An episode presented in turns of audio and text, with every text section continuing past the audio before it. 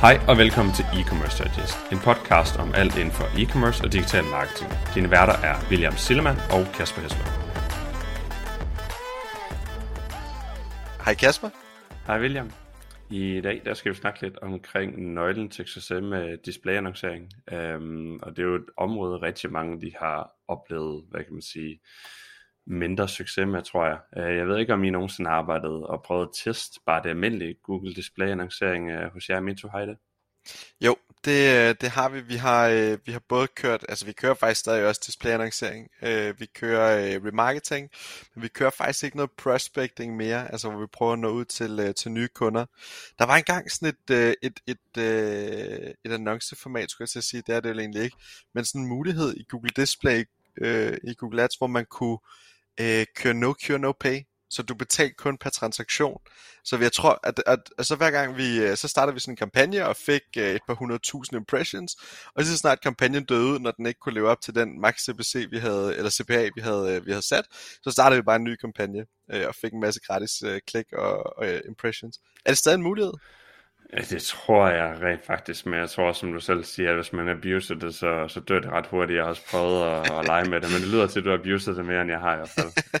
Nej, jeg, jeg har også prøvet at se det fungere for nogen, hvor man faktisk betaler per taxipay. Det eneste, man så skal være opmærksom på, det er jo, øh, det er jo sådan, om, om den gennemsnitlige ordreværdi stemmer overens, eller om øh, den her taxipay, man ligesom får, jamen, den vil jo så være, hvad den er, men, men om leadsene er samme kvalitet, som det normalt er, og det jeg har oplevet, det er lidt sådan, ofte har måske været lidt dårligere, hvis det var et B2B eller, eller lead gen forretninger, hvor, hvor man har testet det format i, hvor, hvor man kun betaler per lead.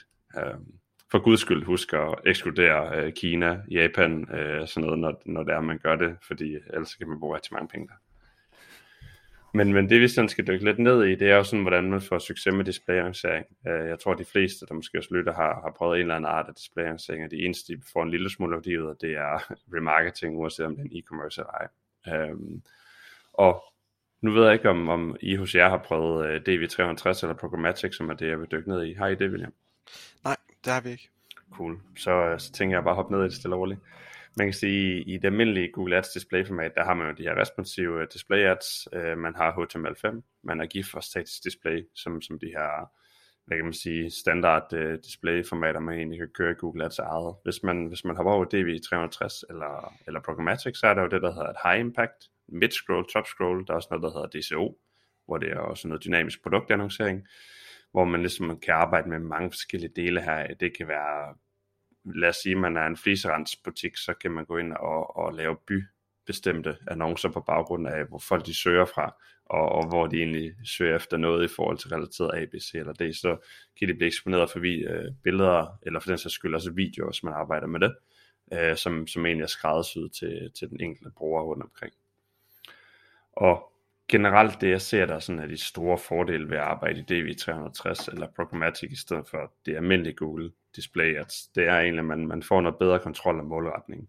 Så jeg tror, at langt de fleste de har prøvet at spille lidt penge på, på noget app, nogle YouTube-kanaler, som ikke er relevante, eller, eller lignende, hvor, hvor man kommer ind på en irrelevant blog, eller, eller sådan noget som det. Og, og det er man selvfølgelig super træt af. Så noget af det, jeg synes, der er fedt ved det, og også årsagen til, at det virker bedre, det er egentlig, at man får 100% kontrol over sådan det, det visuelle i det, øhm, og hvordan man egentlig kører det ud. Og, og så kan man sige, så er man tryg omkring sit brand. Jeg arbejder også med nogle virksomheder, hvor brandfokus og det som de brand guidelines, der er, nogle gange kan svære at overholde i et miljø, hvor man arbejder med responsive display ads for eksempel. Men du kan godt lave dynamiske, eller dis, øh, man kan sige, displaybanner i DV360, som, som er dynamiske af en eller anden art, men man har stadigvæk 100% kontrol over, hvordan det kommer til at se ud i sidste ende. Udover det, så er det rent faktisk øh, nemt at arbejde med, og hvis man for eksempel vil ændre fonten i et billede eller lignende, så kan man gå ind og arbejde med det og ændre det globalt. Og når jeg siger globalt, så betyder det egentlig bare, at man kan, man kan ændre på tværs af det hele på, på samme tid, i stedet for måske i hvert enkelt banner hele tiden og sidde og ændre nogle af de her ting, hvis man bruger en software tilknyttet til det, så man kan arbejde med de her ting.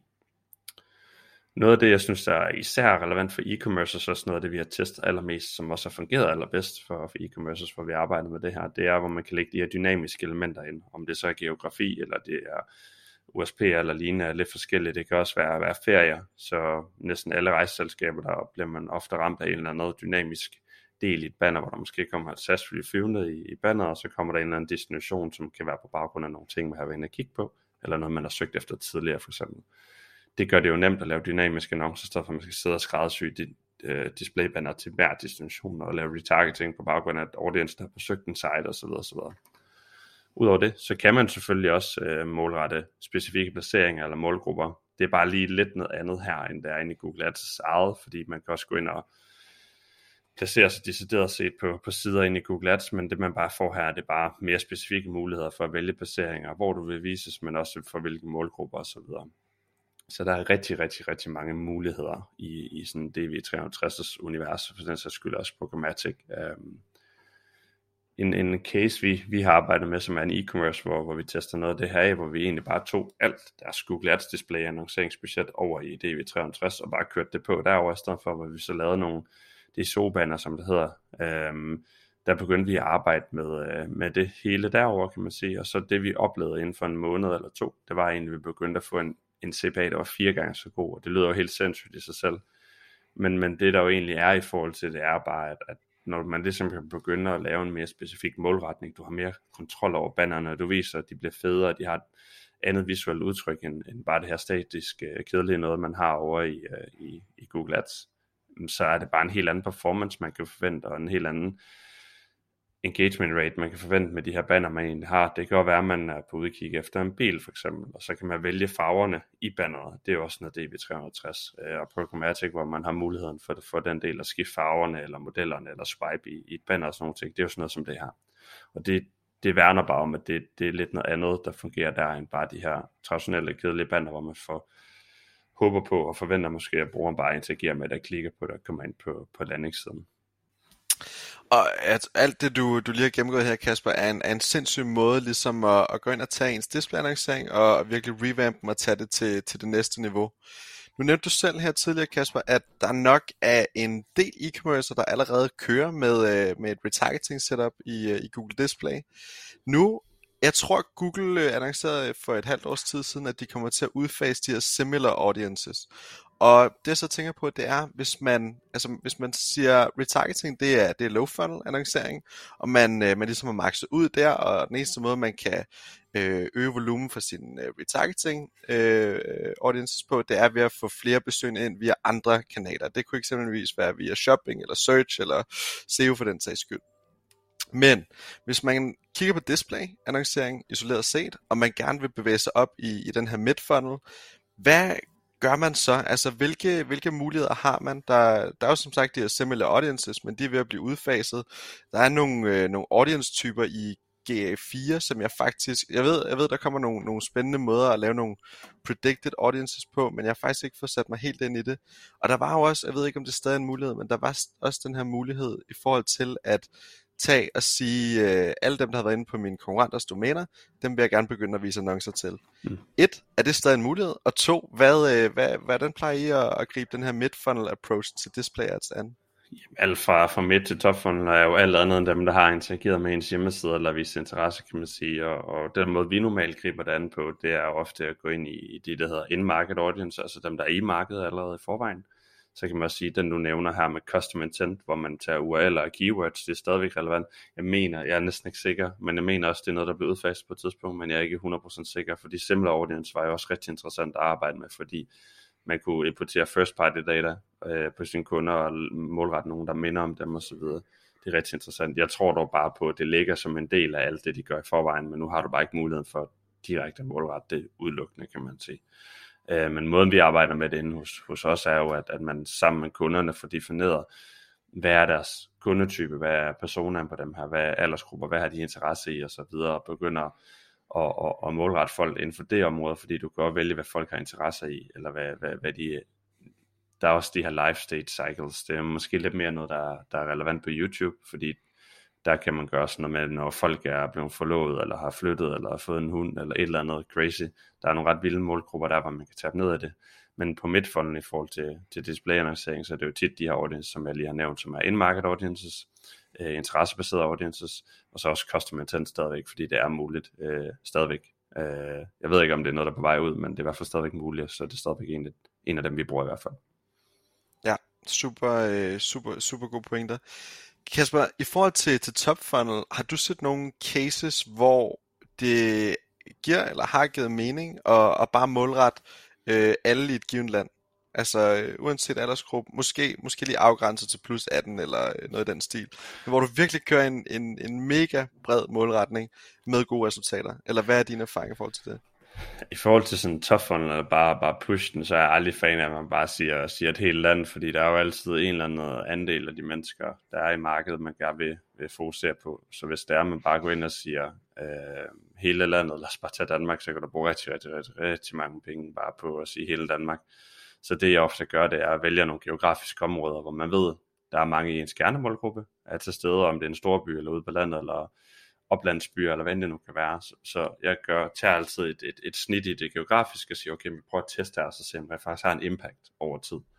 Øhm, Udover det sådan niche, der ofte også ind i forhold til, hvor der er jo tit den her 80-20-regel også i forhold til, til folk, der konverterer og så videre, så kan man sige, jeg tror det er inden for måske to eller tre intervaller af aldersgrupperne med de her 10 år plus minus, der, der definerer øhm, kernemålgruppen, og det er egentlig der, jeg vil starte, fordi man kan hurtigt bruge en masse, masse, masse penge på, på noget, der slet ikke er relevant, så når man arbejder, jeg vil sige, jo længere op man går i frontland, jo mere handler det også om at skyde med en sniper, i stedet for øh, øh et shotgun, hvor det bare spreder sig, fordi det er rigtig vigtigt at være meget specifik og selektiv i sin udvælgelse af målgruppen, når det er, man er oppe i topfunder, fordi ellers kan man virkelig, virkelig bruge mange penge deroppe. Det ved jeg ikke, om, om I har prøvet på display, men man kan virkelig bruge mange penge på noget, der ikke er noget værd der. Helt sikkert. Ja, først vil jeg lige sige, at jeg elsker de analogier, vi bruger i uh, e-commerce digest og eksempler. Ja. Det, er, det er klasse. Men øh, det giver sindssygt god mening, og det er en, det er en rigtig god approach, og, og, et, og et lille tip øh, i forhold til det. Øh, et sted, man kan starte, det er, hvis man ikke har dataen selv, hvis man ikke opsamler den, når folk køber os en, så kan man gå ind i Google Analytics og få en god idé om, i, i forhold til hvilke byer, hvilke områder i Danmark eksempelvis, er der en højere konverteringsrate. Det kan være, at der er en to-tre gange højere konverteringsrate i nogle byer. Øh, kig gerne over en længere tids, øh, tidshorisont øh, inde i, i Google Analytics.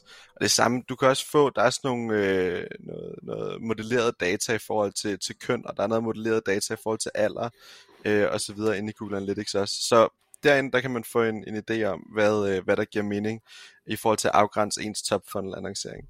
Ja, og en lille tilføjelse, den er jo også, at du ind i Google Ads skal gå ind under det, der hedder målgruppeadministrator på dansk. Uh, audience Manager, tror jeg, den hedder på engelsk. Der er jo nogen, der svæver til dansk, og nogen, der svæver til engelsk ind i Google Ads. Det er jo, det er jo meget forskellige uh, formuleringer og oversættelser derinde. For eksempel maksimal effektivitet, uden vi skal hoppe væk fra displayannoncering. Det er en, det er en dejlig oversættelse af Performance Max, ikke? der er nogle gode nogle. Ej, inde i den her audience manager, eller øh, målgruppeadministrator, der kan du også gå ind og se, øh, hvilket audience indmarket, der er likely til at være i den audience, du ligesom målretter. Så det er også et sted, du ligesom kan tabe ned og, og, og prøve at få noget information, der er på baggrund af de kommenteringer, der er. Et lille hack her til, det er også at tilføje samtlige indmarket audiences, aldersgrupper, øh, køn og så videre, som observation på din search annoncer, så du kan få indsigt i, hvor kommenteringerne de kommer hen. Det kan også være en være et sted at starte i forhold til det. Hvis du så går top funnel, så kan du se, hvad for noget, der har konverteret bedst over tid på search i forvejen. Ikke fordi du skal målrette dem på search, men fordi du kan bruge dataen i din top funnel annoncering for, for at snæve det endnu mere ind. Men øh, en, lille, en lille afrunding her er egentlig bare, at øh, så hvis man generelt er, er træt af at bruge penge på irre, irrelevante blogs, øh, apps og alt muligt andet på nettet, så, så det er helt klart en idé at prøve det her DV360, fordi det er et space, hvor, hvor du kan gøre nogle helt andre ting, end hvad du gør i traditionel Google Display annoncering. Tak fordi du lyttede med til dagens episode. Vi håber, du kunne bruge nogle af dagens takeaways. Som altid sætter vi stor pris på en ærlig rating på diverse streamingtjenester. Og du er altid velkommen til at skrive til os, hvis der er nogle emner, vi skal komme omkring, eller gæster, du synes, vi skal invitere med i studiet.